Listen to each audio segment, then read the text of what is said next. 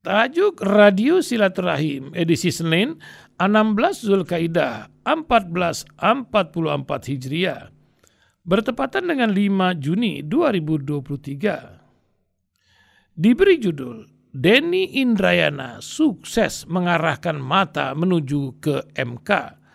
Sebuah tulisan Agus Raharjo, jurnalis Republika.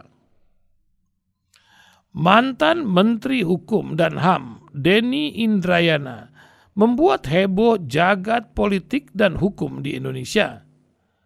Pengakuannya yang menyebut ada info putusan Mahkamah Konstitusi terkait gugatan sistem pemilu sukses membuat seluruh mata masyarakat Indonesia kini tertuju ke Mahkamah Konstitusi.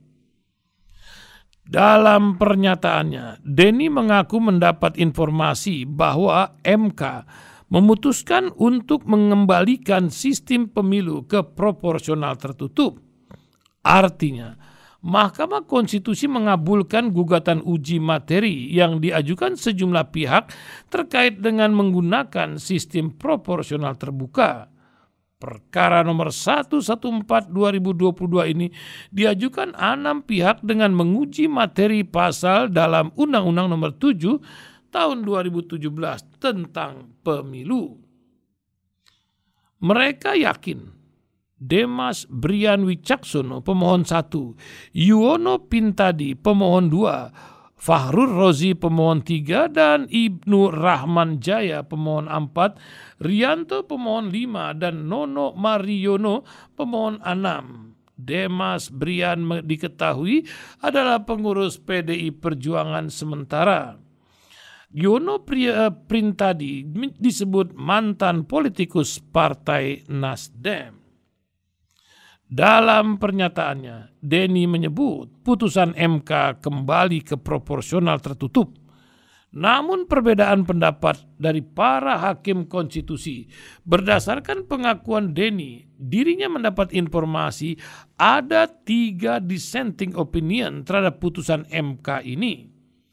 Enam hakim konstitusi mengabulkan gugatan terhadap sistem proporsional tertutup, sementara tiga hakim berbeda pendapat.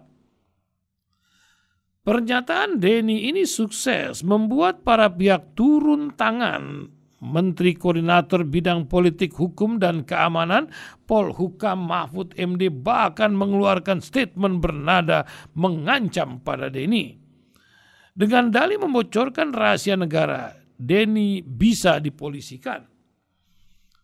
Bukan hanya Mahfud, MK, Istana Presiden, partai politik, hingga mantan Presiden Susilo Bambang Yudhoyono ikut mengomentari pernyataan Denny.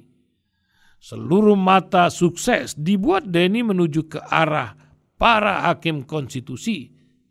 Meskipun MK sendiri mengaku belum ada sidang pengambilan keputusan atas gagasan sistem proporsional terbuka Kesimpulan dari para pihak baru diserahkan pada Rabu lalu. Menurut penulis, Denny sukses memanfaatkan momentum putusan MK soal perpanjangan masa jabatan pimpinan KPK untuk mengarahkan mata masyarakat ke, ke para hakim MK.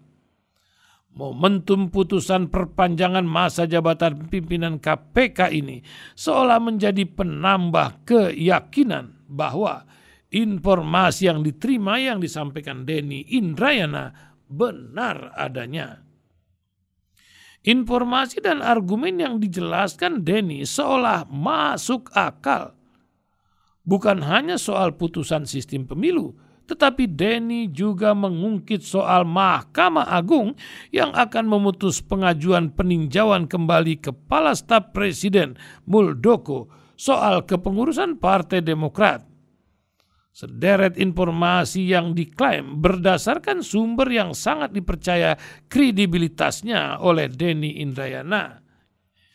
Seolah ingin mengatakan mereka para hakim MK harus diawasi lebih ketat. Jika demikian, Denny sudah cukup sukses menjatuhkan beban untuk para hakim konstitusi. jika akhirnya nanti MK memang memutuskan mengabulkan gugatan terhadap sistem proporsional terbuka, barangkali masyarakat akan menggumam, benar kan?